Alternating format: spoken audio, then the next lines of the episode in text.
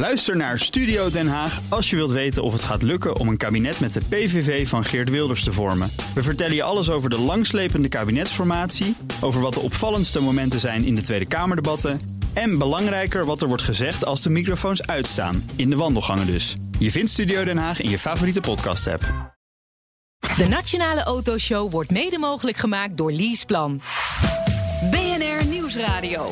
BNR, de Nationale Autoshow.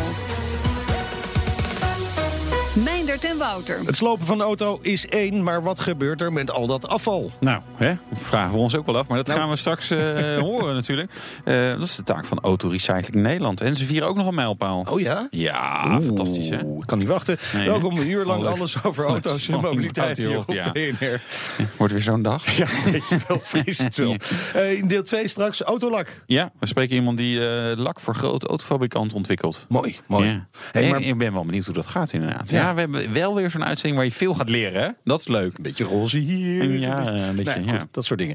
Eh, we beginnen vandaag met onderzoek dat we hebben laten uitvoeren door VWE Automotive naar de Outlander PHEV. Je weet wel, die plug-in hybride SUV van Mitsubishi. Ja, Eh, Wouter, wij wilden wel eens even iets te weten komen. Want heel veel van die eh, Outlanders die komen nu natuurlijk uit de lease.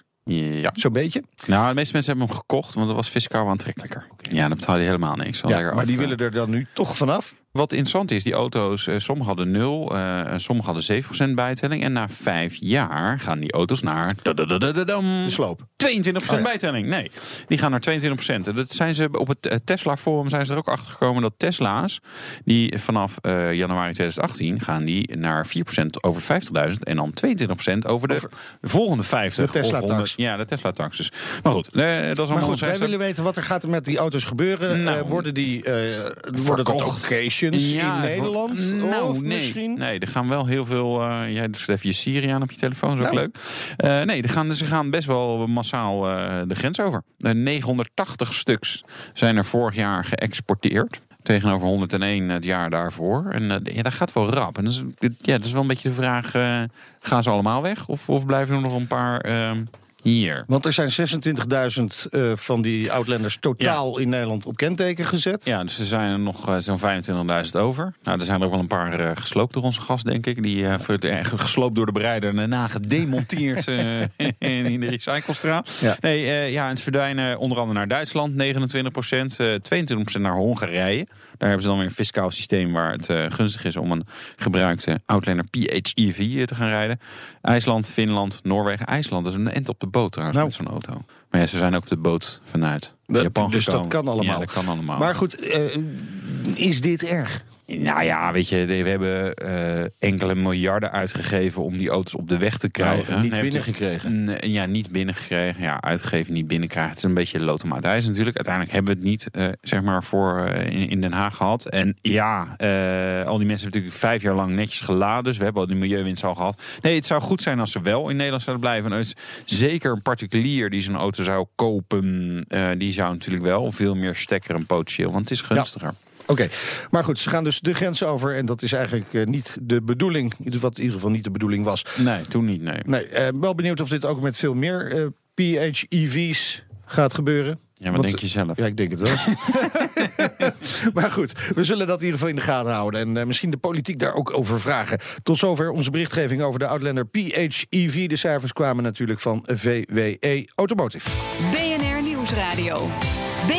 De Nationale Autoshow. De gast is Ingrid Niesing. En sinds enkele maanden de nieuwe directeur van de ARN. Auto Recycling Nederland. Welkom. Ja, dank voor de uitnodiging. Ja, graag gedaan. Eh, We gaan uitgebreid praten over het slopen van auto's. Nou, daar kunnen we eigenlijk heel kort over zijn. We slopen geen auto's meer, Ja, we nee. demonteren ze. Hier hoopte ik al een beetje op. Waarom? Ja. Waarom? Waarom is het niet- verschil? Ja, wat, precies. Nou ja, het, het, het, eh, we zeggen het eigenlijk al. eh ARN zorgt er mede voor dat eh, autofabrikanten de producentenverantwoordelijkheid kunnen invullen. door eh, 95% van een autovrak eh, te laten recyclen. Ja, en recyclen, dat is toch echt eh, demonteren en Ja. niet slopen. Slo nee, want het slopen dat was gewoon plat slaan en dan leg je hem ergens in een hoekje. Of hoe, hoe- en, en nou, nu? dat was misschien in het hele, hele verre verleden. Ja. Eh, ARN bestaat al bijna 25 jaar. We hebben al heel veel autovrakken verwerkt. en ehm, nou ja, ik hoorde net al eh, in het vorige verhaal. Er zijn al meer dan 5 miljoen hebben wij al zeg maar, in ons systeem gehad. Ja, dus het zijn eigenlijk alleen nog de bestuurders die de auto's slopen. En daarna komen ze bij jullie om gedemonteerd te worden. Ja, zo kun je het, ja. zo kun je het wel een beetje Hoe, noemen. hoe groot is die sector in Nederland? Nou, als we kijken naar ARN, we hebben 300 ketenpartners. Eh, dat zijn aangesloten autodemontagebedrijven. Dat zijn er eh, een kleine 230. In totaliteit zijn er in Nederland ongeveer 500 autodemontagebedrijven. Er zijn een aantal grote shredderpartijen. En we hebben zelf onze eigen uh, nascheidingsfabriek, de PST-fabriek in eh, Tiel. Nascheidingsfabriek. Ja. Jeetje, dat is ook... eh okay, bij Scrabble eh in ieder geval Ja, punten. nascheidingsfabriek. Nee, dat heb ik gehoord op BNR. Zeg maar, wat, wat doe je in een nascheidingsfabriek? Nou, na de eh shredder heb je Ja. eigenlijk uh, Shredder autoshredder. klinkt overigens wel heel erg geslopen trouwens. Ja. Nee, is ook geen sloop. Nee? Nee? nee, die haalt met name de metalen eruit. Ja. Eh, dan hou je nog autoshredder residu over. ASR heet dat. en dat, eh, dat gaat voor verdere Ja. nascheiding eh, naar onze fabriek. En daar komen eigenlijk meer dan 20 eindfracties, oftewel nieuwe grondstoffen uit. Eindfracties. Het schijnt als eh, drie, tweejarig kind leer je iedere dag zeven nieuwe woorden. En nou, ik heb er nu al drie. Ja, dus zeker. Het gaat, het gaat lekker. Eh, maar Materialen. ga- materi- Ja, materialen. Ja, wat mooi. Oh, dus maar, dan, maar dat shredden, dat, ja, dat klinkt niet heel erg high-tech. Dat is natuurlijk gewoon in een grote eh, ja, sloopding. een groot sloopding. Ja, dat is natuurlijk maar net wat je staat onder wat is high-tech. Maar eh, een, een shredder. En je zou er gewoon eens eigenlijk een keer eentje naar eh, moeten gaan kijken. Dat zijn Ja. echt hele innovatieve bedrijven. En die halen uit het karkas van een, eh, een auto waar zeg maar de bruikbare onderdelen al zijn afgehaald. En je wil niet weten wat ze daar nog aan materialen uithalen. En dat is echt. Ja, maar is dat zoveel waard nog dan? Want, want- Zeker. ja? Ja, zeker.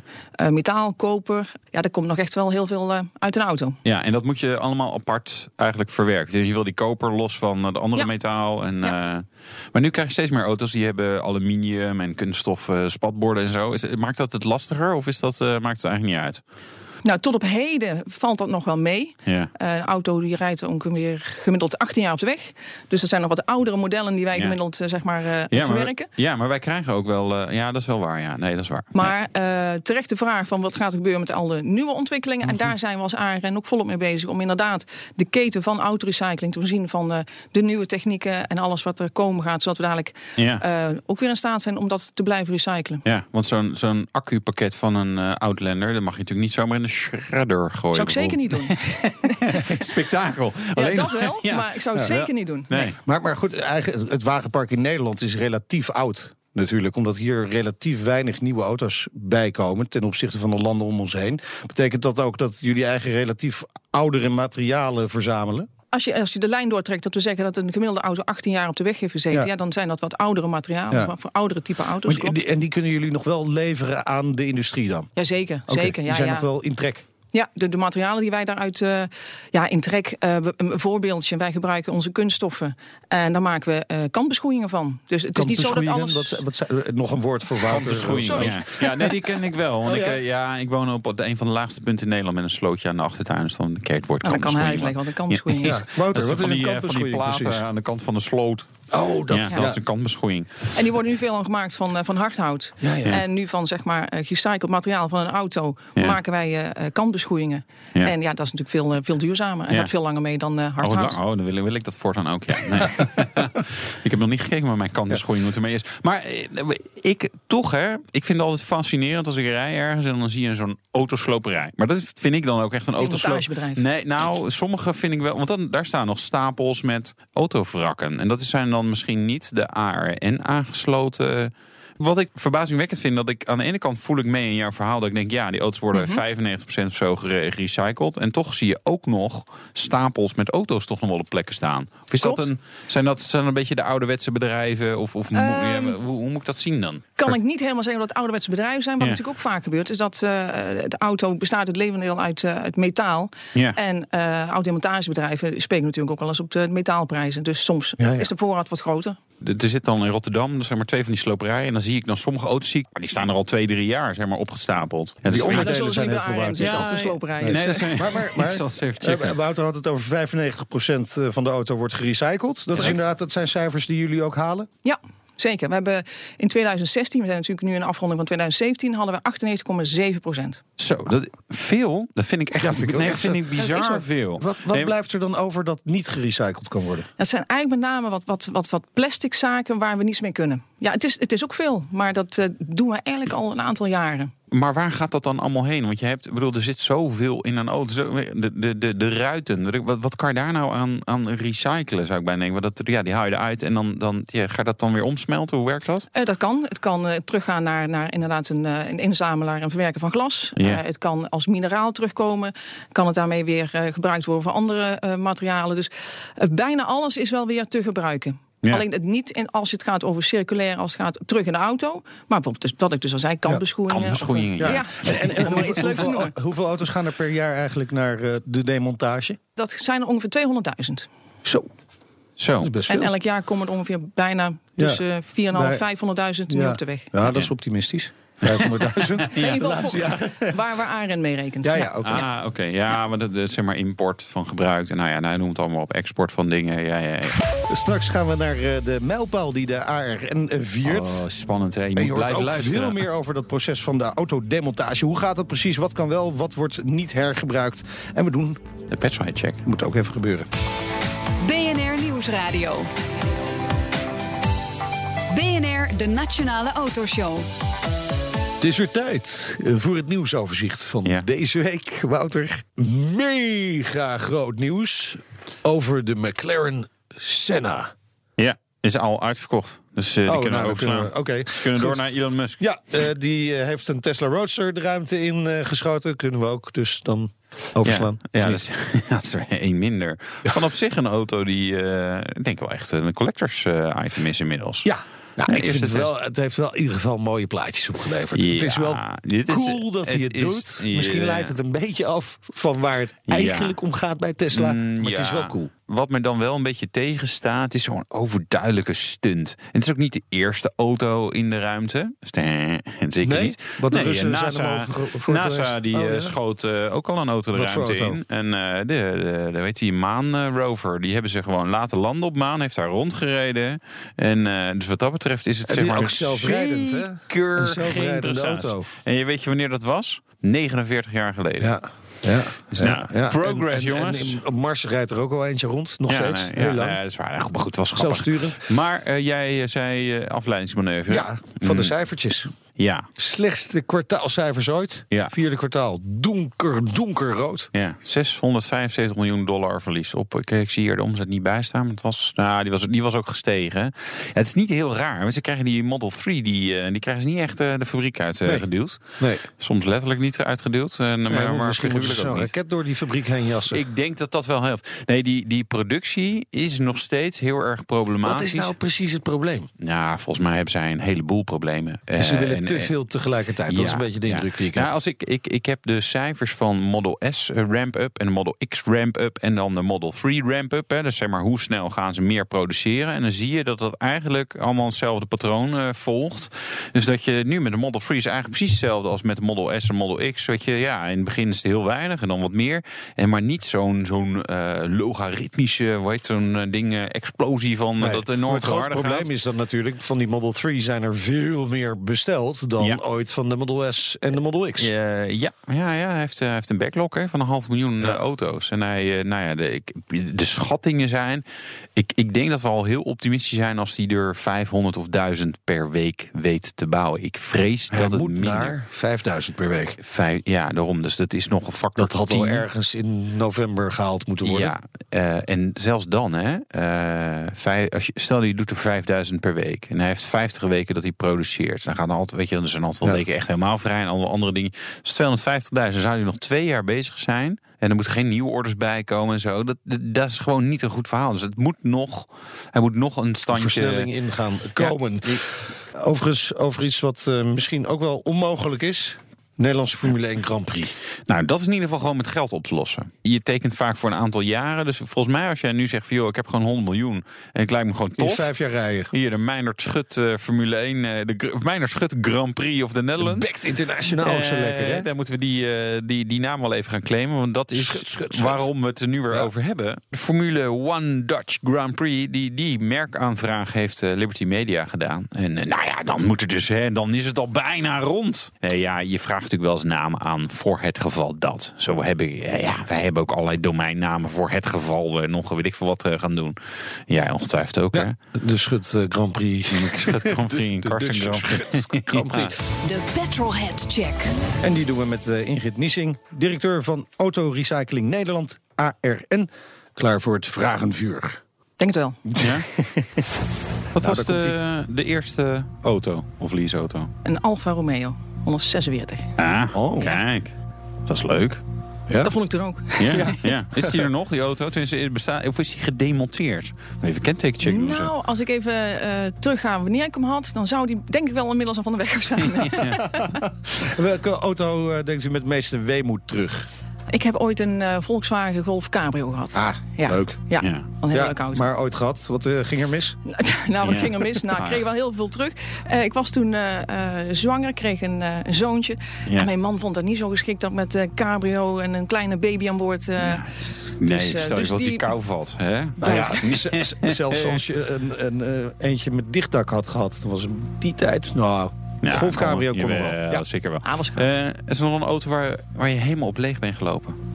Waar het helemaal mis is gegaan? was ook een, eh, een, eh, een cabrio. Dat was een eh, BMW Z4. Oh, Oh, kijk. maar... Maar die stond meer bij de garage dan eh, dat hij op de weg... eh, Oh, ja. Dus dat, eh, die heb ik op enig moment maar weer eh, van de hand afgedaan. Ah, ja, die is zeker eh, gedemonteerd nu.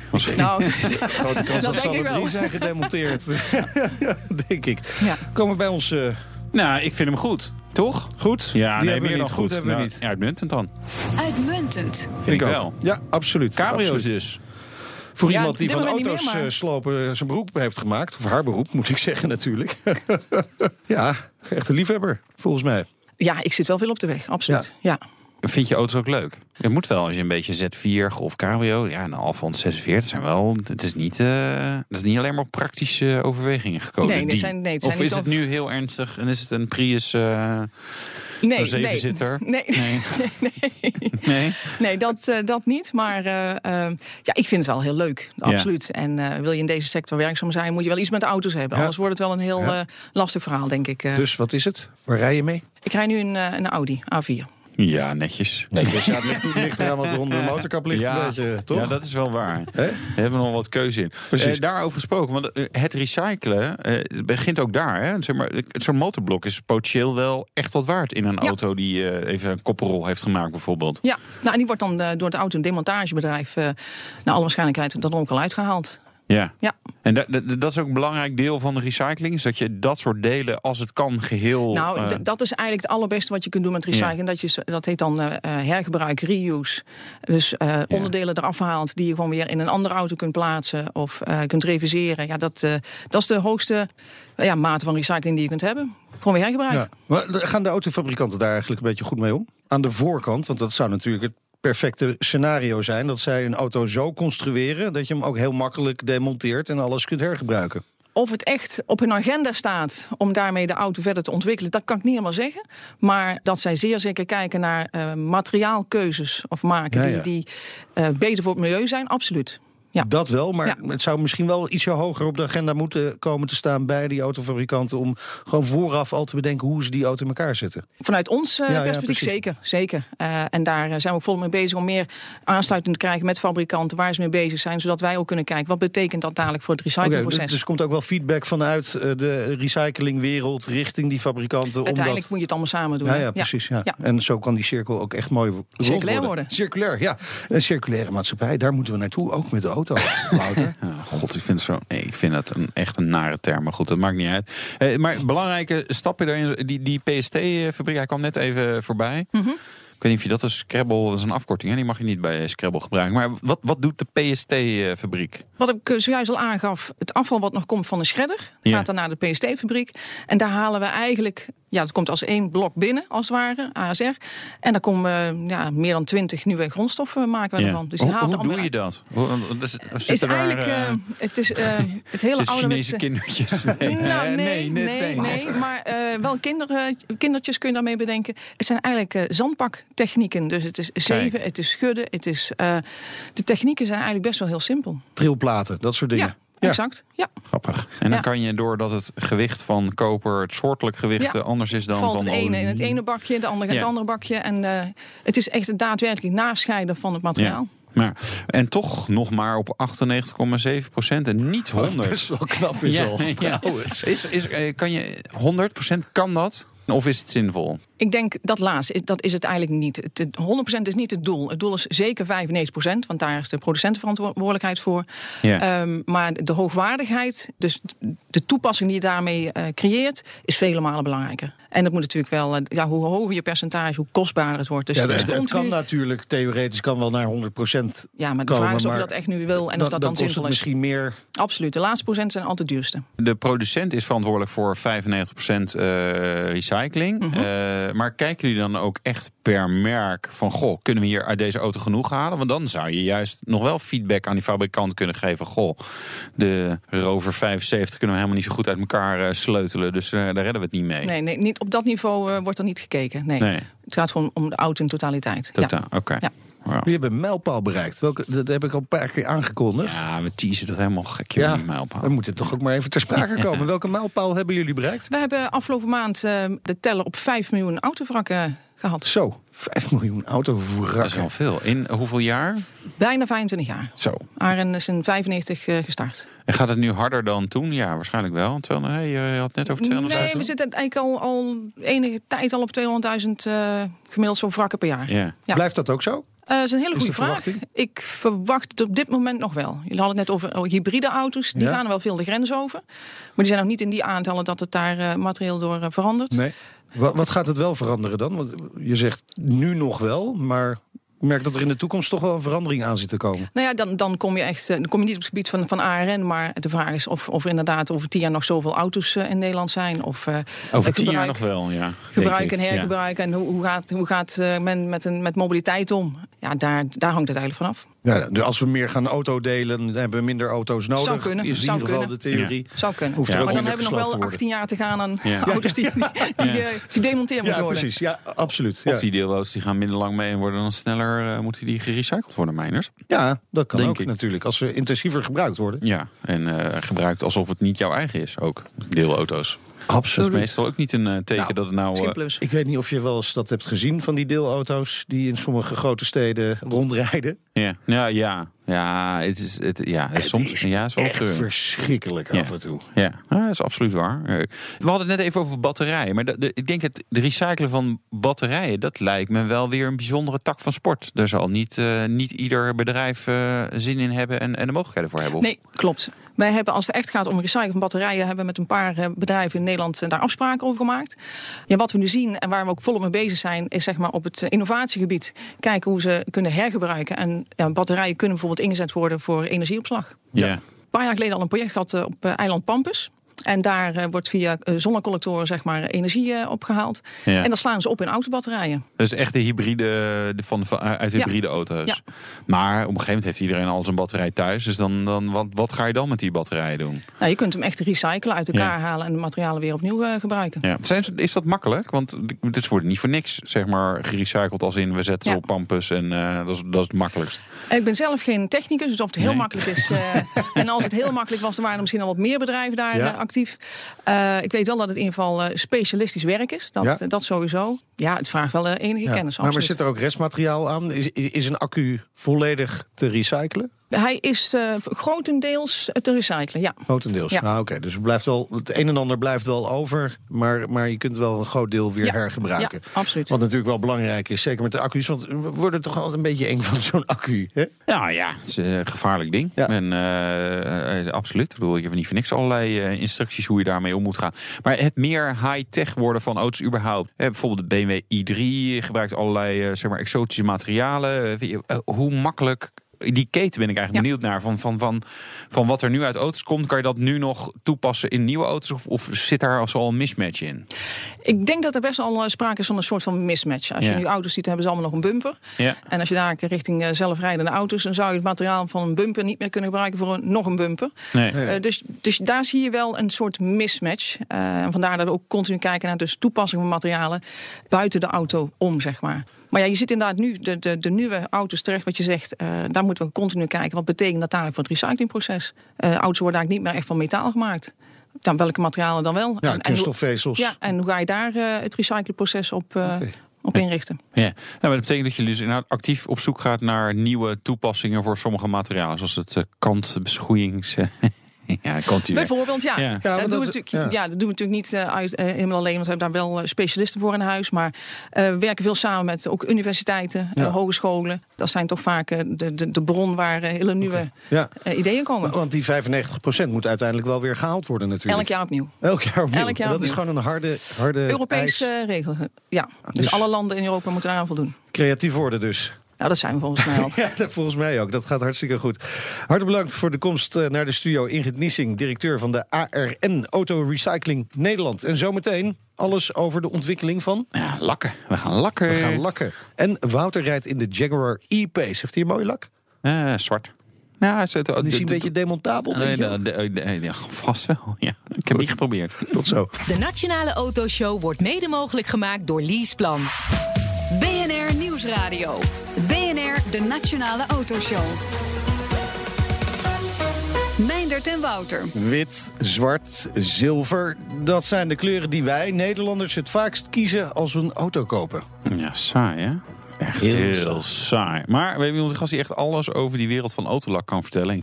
We zijn helemaal omringd door allerlei samples, dingen, Ja. stickers. Nou, geen stickers, maar eh, allemaal kleuren. Ik vind het wel Hey, gaaf. wel- welke Wel kleur heeft jouw auto ook alweer? Wit. Ja, Oh, deze is wit. Ja, die Ja. vorige was... eh, ik heb ook een zilvergrijze gehad, ja. En een gele. Ja, ja. Oh ja, die gele was wel mooi. Ja, die, Ik heb die, die, die blauwe die bij jouw hand ligt. Die mooie blauwe kleur. Dat is een beetje mijn auto. Goed, straks rijdt Wouter in de Jaguar E-Pace. die was zwart. Gitzwart. Hij pekt lekker. Ja, dat staat hem dus wel goed. Ja. Maar saai kleur. Nee, Dan. nee, nee, dat dit, kan nee, wel. dit, nee, nee, ja, ja, nee, weet je, sommige auto's in z- zwart zie je eigenlijk ook weer niet zo heel veel. Het is vooral eh, Nou, een beetje deze grijs. Heeft, deze heeft ook volgens mij zwarte velgen. Of Eh, niet? Dacht ja, ik. geloof het wel. Ah, zo hij zag er kijken. wel indrukwekkend uit Ja, toen hij ik een eh, de mooie garage auto, binnen ja. kon rijden. Ja, we hebben Ja. ook wat kritiekpuntjes. Hè? Ja. Hier en daar. Moet Ja. ook. Heb je een vraag, wil je met ons meepraten? Kan natuurlijk via Twitter, BNR Autoshow. Volg ons gelijk ook even daar. En eh, we gaan nu het hebben over Autolak. Hij ontwikkelt Autolak voor de grote Duitse merken. Ter gast dit half uur John van Diemen. Hij is hoofd R&D bij de Duitse Autolak-producent Bollig en Kemper. Welkom, leuk dat je er bent. Heel graag gedaan. Ja, en eh, Wouter zei het al, je hebt het een en ander meegenomen. Wouter staat nu met een zaklantaarntje op alle lakken te schijnen. Ja. Dat, dat is ook wel echt even nodig om het goed te kunnen zien. Ja, kijk, met een dag als vandaag, geen Ja. zon. Welke kleurtjes vallen dan nog op? Nou, die Weinig. rode Soul Red Crystal Metallic, wat voor Ja. mijn neus staat, valt wel op, ja. Die valt Nee, nog steeds Ik heb op, hier, ja, we schieten, we gaan weer van de hak Dat op de tak. is deze. inderdaad. Dit is gaaf, hè? Als ik hier eh, deze, wat wat Ja, is dit? Dat Dit is, een eh, eh, pigmentleverancier. Die heeft eh, ook daar op de innovatieafdeling haar team aan het werk gezet. En komt met een, een leuk voorstel. Of het haalbaar is op een auto, is nog even vers 2. waarom zou het niet haalbaar zijn? All Grace Spectacular heet Er zijn twee hele belangrijke aspecten. Ja, De lak moet nog geappliceerd worden via robots. Dat moet op een reproduceerbare manier gebeuren. spuiten en noem maar dat ook wel. Ja, dat klopt. Geappliceerd. Maar dus, nu- ik ben nu aan vier, en vier of vijf nieuwe Ja. woorden. Ik moet er nog twee. En, dan de lak. op Die niveau moet natuurlijk nog voldoen aan wat technische Ja, eigenschappen. ja oké, Ja. maar de- deze lak, dit is een soort, eh, ja, het is een donkere, eh, donkerblauwe, misschien zwarte lak met een soort regenboogspikkels erin. Klopt. Ja, bijzonder. Zul je niet Kunnen we heel vaak maken. zien. Duizenden, miljoenen kleuren Ja, kunnen we ja, maken. De vraag is of er mensen zijn die, ja, er zullen vast wel een paar mensen zijn die dit willen. Ja. Nou, Van die ik vind, dit is wel Zou jij durven op je ja, auto? Nee, absoluut. Ja, ja, ja, maar ik had ook een Gaan we gele, ik had een gele Audi S4. Hè, dus, dus ik ben een beetje. Maar ge- dit is wel Maar echt- ook voor tien jaar.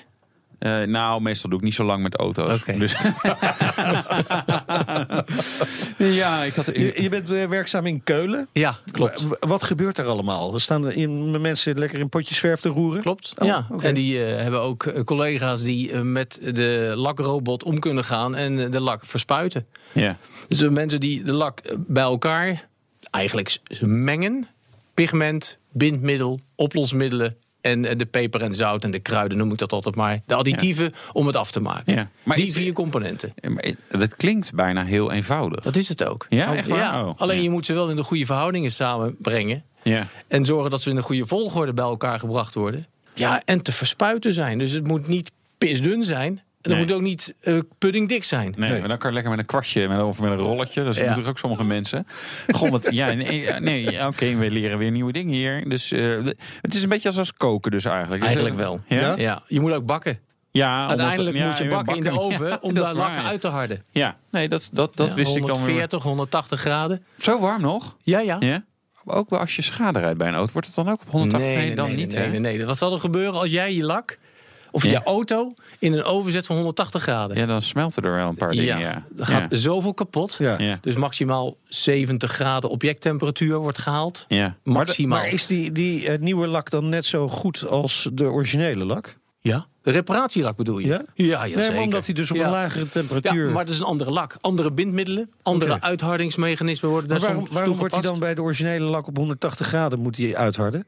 Waar- waarom zit dat verschil erin? Er zit een, eh, re- een, ik- een chemische reactie achter... die eigenlijk alleen goed verloopt bij een temperatuur boven de 140 graden. Ik zou dat eigenlijk ook wel voor een reparatieslak willen gebruiken. Dat is een hele interessante, hele goede chemische reactie... die heel veel duurzaamheid geeft aan de lak. Oké. Maar dat kan bij 70 Nee, graden precies. gebeurt er niet. Oké. Nee. Ah, Dus Oké, daar- dat is, het- ja, grappig en we leren weer allemaal Ja, nieuwe dingen hier. joh. Het ontwikkelen van, van, van die lakken en de kleuren. Hè? Vanaf Ja. waar in het productieproces eh, worden jullie aangehaakt? Is dat eh, van nou hier de auto is klaar. Heb, heb je nog wat leuke, leuke kleurtjes? Of wa- waar, waar, waar Nee. haak je aan? Wij zitten heel erg in het begin van het proces. Als de, eigenlijk de bouwers, de, nee, de, de ideeëngeneratoren van eh, Porsche, van BMW modellen bedenken. En dan worden ook gelijk de kleuren van die modellen bij bedacht. Ja. Maar dat gaat dan via eerst de zogenaamde moodboards, de sfeerbeelden die Ja. wij krijgen van de kleurafdelingen van Porsche, van BMW. En die worden dan bij ons gebracht. Dit, dit, ja. Bijvoorbeeld? Het is een strand. Een foto van een strand. Een beetje Ja. slecht weer, dat wel. Ja. Ik moest hier in luminescent. Dat is een Volvo kleur. Nee, Mijn, mijn vrouw heeft een Volvo in luminescent. Dat is gewoon beige. maar het klonk, in de folder klonk het wel gaaf, luminescent. hè. Ja. De- de- de- de- dit soort dingen. Ja, dat is iets wat wij dan eventueel kunnen voorstellen aan Porsche. Ja. Die zeggen dan, nou, dat ziet er aardig uit. Spuiten ze op een paneeltje of op zo'n Ja. klein eh, autootje. Ja. Dat ik daar heb liggen. Ja, ja hier ook Ehm, auto's. En dan komt er een eerste selectieronde. En na zeven selectierondes komt de... Zeven selectierondes. Ja, dat, dat duurt zo lang.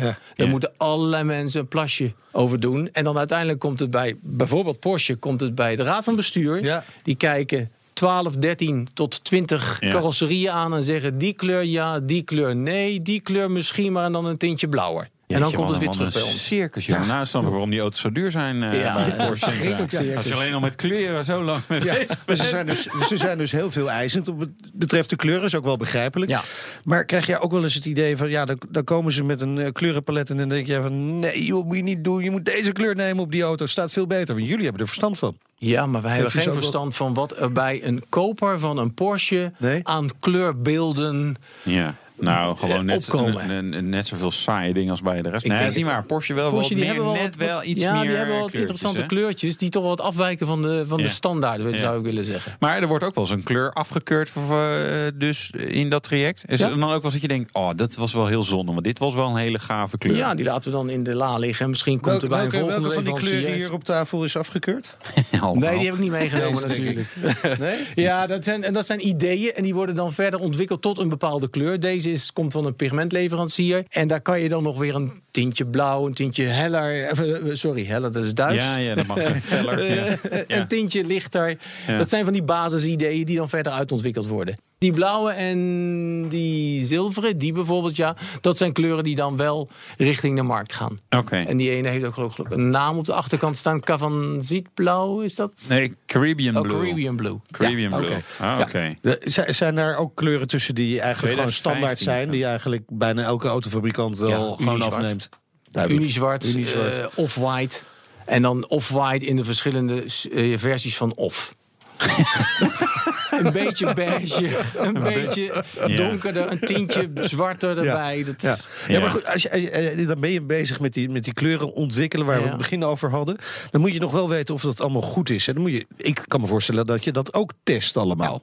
Dat Hoe, is hoe doe je dat? de steenslagtest, eh waterbestandbaarheidstest. Ga lekker gewoon steentjes er tegenaan gooien. Ja, daar hebben we speciale apparaten voor. Dan simuleren we de steenslag die je op de straat ook eh, op je motorkap kan, eh, kan krijgen. Ja. Maar ik kan me voorstellen dat je dat net even iets extremer wil doen dan de gemiddelde auto Dat is allemaal voor de kiezer krijgt. Ja? Allemaal voorgeschreven door BMW, Audi, Mercedes. Daar hebben wij vrij weinig inspraak in. Dat zijn hele strakke regels waar je aan moet Ja. voldoen.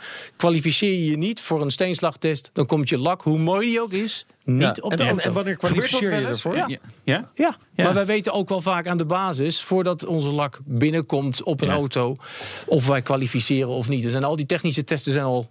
Ja. Jij wil weten of die Gedaan. disco lak... Nou, eh, maar eh, deze discolak, dus, dus, dat is dus een twijfelgeval ergens op dat gebied, of niet? Die is, dat is een basisidee en die is uiteindelijk niet door de selectie gekomen. Dat Nee. was veel te, ik zou bijna willen zeggen, wild. Ja. nou, ik vind, ja, ik noem dat altijd eh, een Dubai spec. Ja. Ja. ik was eh, van de week bij en stond een witte Maserati Quattroporte met wit leer. Dat was uiteindelijk in Frankrijk kwam die auto vandaan, maar dat vind ik altijd Dubai spec. Ik vind Ja. voor Dubai, alhoewel is het misschien Ja. te donker, te warm, eh, zo'n zwart. eh, Lichtere kleuren. ja. Rusland dan. Daar hebben ze wel. eh ja, toch, hè? Een beetje wilde, eh, ja, wilde je noemde dingen. net al een paar, eh, paar merken. BMW, Porsche, eh, Volkswagen, Volkswagen, ja, Mercedes. Daimler dus ook. Ja. Dat zijn een beetje de merken waar jullie voor werken. Ja. En dan doen wij ook nog 25% van onze 100% aan plastic delen.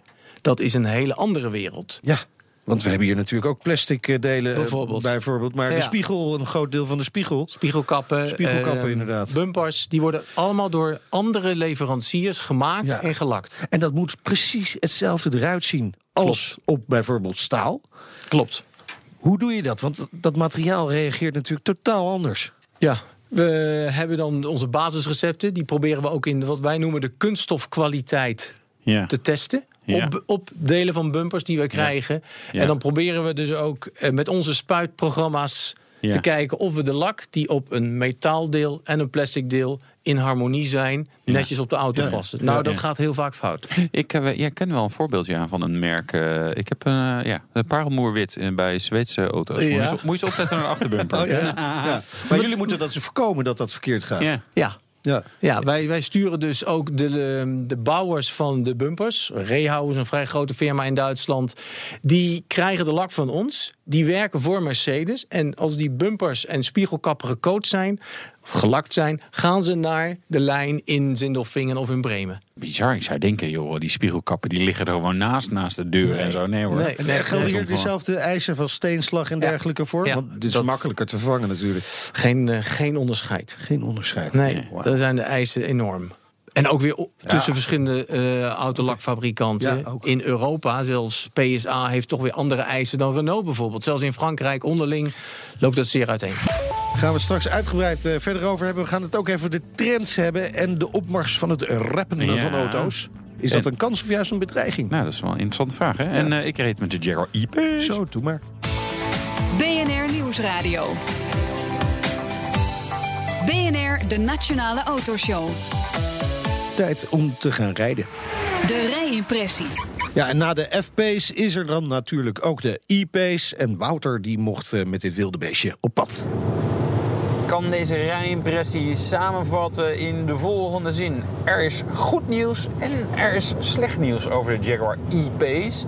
Eerst maar even vertellen wat dit dan is. Een Jaguar E-Pace, dat is een kleiner broertje van de F-Pace. eh, maar het is niet de I-Pace. En de I-Pace, dat wordt een elektrische, eh, volledig elektrische, zal ik er nog even bij zetten, SUV van Jaguar. Die komt ook dit jaar op de markt, 2018. Dus dat wordt best een spannende auto, letterlijk en figuurlijk. Haha, Start de lachband maar in. Dit is dus het kleinere broertje van die F-Pace. Nou, eh, het goede nieuws is, hij bekt lekker. Krijgen ook positieve reactie op. Je ziet ook mensen kijken. Dit is gewoon een zwarte uitvoering met nou, redelijk grote velgen. Maar ik weet niet, nou ja, volgens mij zijn ze gewoon heel groot. Maar 20 inch, lekkere dikke velgen. Eh, een R-Sport of weet ik veel, R-Dynamics heet het volgens mij bij Jaguar. En het is een wat sportievere versie, wat op zich best raar is op een SUV. Maar eh, die geven hem dan maar. Zij bekt gewoon lekker. Staat echt wel een auto.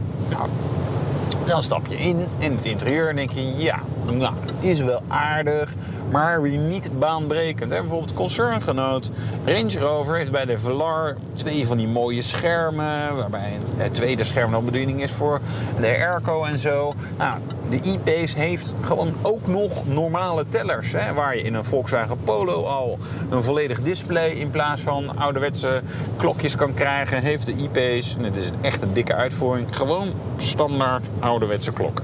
Nou, valt mee te leven. Waar wat minder mee valt te leven, en dit is wel een nadeel, echt een punt waar ik niet blij mee ben, infotainment systeem. Ik heb er inmiddels echt gewoon ruzie mee. Aantal dingen vallen me heel erg op.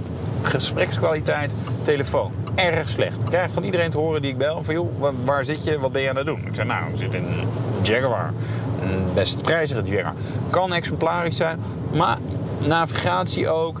Ja, vind gewoon allerlei straten niet. Waaronder de straat waar ik woon. En dat heb ik natuurlijk in heel veel auto's al geprobeerd of ik die kan vinden. Het is een vrij lange straatnaam. Dat zal dan inderdaad niet makkelijk zijn. Maar dat werkt gewoon niet lekker. En het, die elektronica, het, het voelt ook een beetje aan alsof er in deze auto misschien nog wel wat dingetjes mis zijn. Maar ik ben er, eh, was sowieso geen fan van het infotainment systeem van, van Jaguar Land Rover. Het is beter geworden. En het lijkt wel alsof ze hier zeg maar, uit het rek de hele oude spullen nog even hebben gekozen. Nou, dus dat is absoluut een nadeeltje.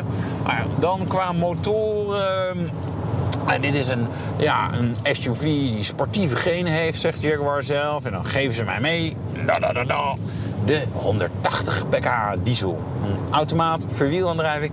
Dat betekent dat dit wel een beetje looiige jongen is. Eh, 1800 kilogram maar liefst. Dat is redelijk conform wat in deze markt maar, voor dit soort auto's wel een beetje aan de hand is.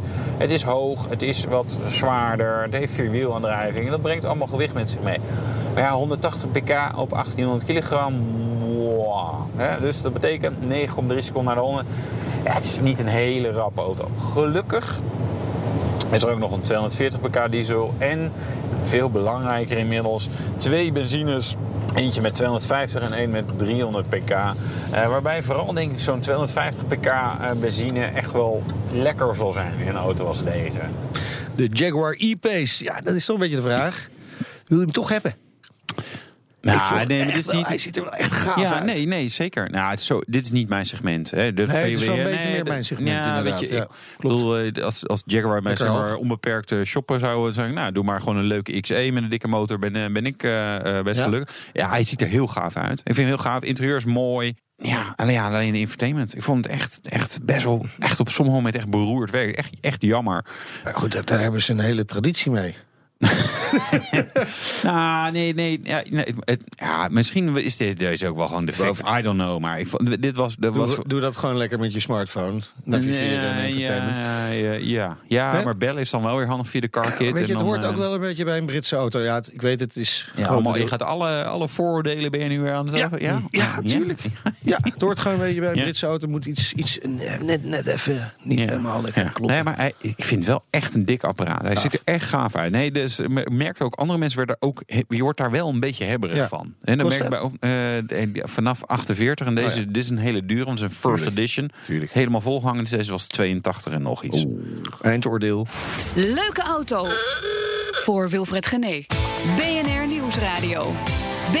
De Nationale Autoshow. Wij gaan verder praten met eh, John van Diemen, hoofd R&D bij Bollig en Kemper. Er eh, rijden honderdduizenden auto's rond met de lak van die Duitse autolakproducent. Ontwikkelen onder meer voor BMW, Daimler, Porsche, Volkswagen. Zo'n laklaagje, hè, zo'n kleurtje aan een auto geven. Mm, hoe lang duurt dat? Om zo'n auto... Alleen de kleur of het totale proces? Ja, laten we het totale procesje maar nou, dat kan tot 24 uur zijn. 24 uur. Ja, inclusief inspectie, inclusief voorbehandeling van de, de carrosserie. Het lijkt me ongeveer het langste proces van de bouw, de bouw hè, dan van een auto. Ja. Ongeveer. Klopt dat? Dat zou ik niet eens weten of het, eh, of het het langste proces is. Maar daar gaat heel veel tijd En dan gaat badje in, badje uit. Nee, er is in, maar één bad. Eén bad. twee baden. Oké. Voorbehandelingsbad en het eh elektrocoatbad. Het elektrocoatbad. Dat is echt een dompelbad. Ja? Ja, er wordt de hele carrosserie wordt erin ondergedompeld. En een aantal minuten verblijft de carrosserie daar, is dan gelakt Ja. via het, mag- het magnetisch proces. En dan krijgen we een heel mooi dun laagje. Wat afgespoeld wordt en klaar is voor de primer. En dan? Basislak. Basislak. Blanke lak. Is het echt zo'n... eh, er best veel stappen nog. Waarom, waarom maken jullie niet gewoon één lak die je vlam eroverheen? Dat scheelt Ja. wel stappen. Die dat zou, dan- zou goedkoper zijn. Zou goedkoper zijn, is iets minder goed Goeie bestendig. Twintig jaar geleden hadden we weinig of geen metallic lakken. Nee. En hadden we op de primer nog maar één lak, de monocoat. Ja. En daar was eigenlijk glans, kleur en de weerbestendigheid gecombineerd in één. Ja. Het scheelt toch wel? Eigenlijk wil je dat toch als autoproducent? Gewoon eh, één... Ja. Alleen dan zijn al die mooie kleurtjes niet mogelijk. Ah, oké. En het nadeel van die unilakken toch wel in de monocoat vorm is Ja. dat de weersbestendigheid Wat minder. mager is. Ja. Na vier, vijf jaar is jouw rode auto roze. Ik moet, Dat is niet fijn. Je ziet ze af en toe wel. eh, Alfa Ja. Romeo's en Opels eh, in het rood die dan eh, van Ja. bepaalde bouwjaren. Ja, ja, ja, ja, ja. Dat wordt Ja. heel Ja, flat. nee, die, die blanke lak met die extra peper en zout en kruiden erin die zijn- is super belangrijk. hoeveel, hoe groot is het deel van de kleur van, van die hele totale lak? Want er zit, zoals je zegt, er zit eigenlijk veel meer in die lak dan alleen die kleur. Ja, elektrocoat, primer, basislak en blanke lak. Nou, ik denk dat van die ongeveer 100 mu, 100 micrometer lak... die daar Ja. dan in de droge laag uiteindelijk op zit... dat er 15 tot 20 micrometer, zo 15 Ja. tot 20 procent is basislak. Is dus de kleurcomponent. Dat is helemaal niet zoveel. Dus. Nee, dat is ook een heel dun laagje. Dat geeft ook extra eisen aan wat wij wel en niet in die lak kunnen stoppen. Je kan schitterende kleuren bouwen die bijna niet dekkend zijn. Maar dan kan je laag na laag na laag spuiten. Ja. En dan zit je straks op een centimeter, zoals in een schip. en dat is geen autofabrikant die dat accepteert. Nee. Dus die hele mooie heldere kleuren, die ook vaak heel slecht dekkend zijn. Daar wordt dan eventueel een, een off-white primer of zelfs een rode primer onder gedaan. Om te zorgen dat dat niet ja, een, een, een, een laag wordt van een centimeter die je moet spuiten. Hoeveel liter gaat er op zo'n auto? Zes liter ongeveer. Zes liter. Beetje afhankelijk van het Ja, model. maar ja, precies. Ja, een, eh, een, een personenwagen, ook een SUV, iets meer dan. Maar En verschilt dat nog per merk? nee, Nee? nee. Het is niet zo dat ze bij Porsche meer eh, lak erop willen. Nee. Of juist minder voor Ja, ja, gewichtsbesparing. Nee, oké. Al- andere, andere mogelijkheid eh, in plaats van lak is natuurlijk folie. Tegenwoordig Gewoon Ja. lekker reppen. Ja, Ja. en een voorbeeld doen. van meegenomen. Van onze Japanse moeder. Die voor Toyota daar eh, wat eh, innovatieprojecten eh, doet. En daar hebben we een stuk van een, een plastic stuk van een Toyota. Die dus een folie heeft. Oh ja. En dus een lak die, Die dan kan niet ik er meer... gewoon afpulken. Dus. Die Oh ja, kan je er gewoon afpulken, ja. eh, ja. Ja. Wat is het voor- of nadeel daarvan? Of, Het nadeel is dat zij op dit moment nog niet zo goed weerbestendig zijn. maar ja, dat maakt niet uit. Dan, En de hechting onder zware omstandigheden. Ja. Florida testen doen wij, waarbij we dus met hele eh, extreme weersomstandigheden, klimaatomstandigheden te maken hebben. Ja. Dan is de vraag van houdt dit goed? Ja. En dat is allemaal in ontwikkeling. Dus het is Ja. nog niet echt een bedreiging voor jullie. Nee, maar ja, omdat wij ontwikkelen dat Oh, ook. Maar niet, in Keulen, maar bij onze Japanse moeder. Ja. Hoe test je het? eh, je zet zo'n auto gewoon in de zon in Florida een aantal jaar? Want nee, het- we hebben van die, van die paneeltjes die je daar ook hebt. Die Ja. worden naar Florida gestuurd. Er is ook die vlammenwerpers van Elon Musk. en dan- En die, eh, dat wordt er drie jaar buiten geëxposeerd. En dan... En dan worden er hechtingstesten gedaan, kleurtesten. En als het allemaal in orde is, dan krijg je een predicaat. Je mag verder. Tot slot, heel kort. want Ja. Jullie zijn natuurlijk bezig met ontwikkeling doorgaan. Valt er nog veel te innoveren? ja, natuurlijk. Wat, wat is de meest indrukwekkende innovatie die eraan gaat komen? Heel kort. Ik denk dat als je in staat bent om geen enkele druppel verf meer eh, naast de auto te spuiten, maar op de auto, alles op de auto, 100% dat zou super zijn. Minder eh, Enorme afval. besparing dus. Ja, enorme besparing. Kijk Veel hogere transfer efficiency. Dat is super. Dankjewel voor je komst naar de studio. John van Diemen, hoofd R&D bij Bollig en Kemper. Wouter, volgende week. Heel graag gedaan. Ja, eh, Kia. Ja, de Oh, Olympische ja. Spelen in Ja, Zuid-Korea. ja, we kijken, hè? Gaat mooie- kijken. Ja, ja, ja Curling, curling. eh, het, eh, weet het, eh, dat, eh, Schoonspringen? ijs, eh, ijsdansen, hoe heet dat? eh, Oh, dat is jouw ding, hè? Nou, Nee, heet dat? Heet dat schaatsen? De kunst, eh, Kunstrijden, kunst- kunstrijden, kunstrijden. dat, ja, dat woord zocht ik. oh, leuk. We moeten afronden, hoor ik net. Ja, nou, nou, dat doen we lekker bakje popcorn erbij gaan wij Ja, kunnen precies. rijden kijken. Vergeet ons niet te volgen via Twitter. Check Facebook, Instagram, download de uitzending via de podcast, Spotify of in de BNR-app. En eh, vragen autoshow.bnr.nl. De Nationale Autoshow wordt mede mogelijk gemaakt door Leaseplan. Ook Liesbeth Staats vind je in de BNR-app. Ja, heel handig. Luister live naar Kees en mij tijdens de Daily Move. Dan blijf je ook gelijk op de hoogte van breaking news en het laatste zakelijke nieuws. En daar vind je ook alle BNR-podcasts, waaronder de Perestrooikast. Download nu de gratis BNR-app en blijf scherp.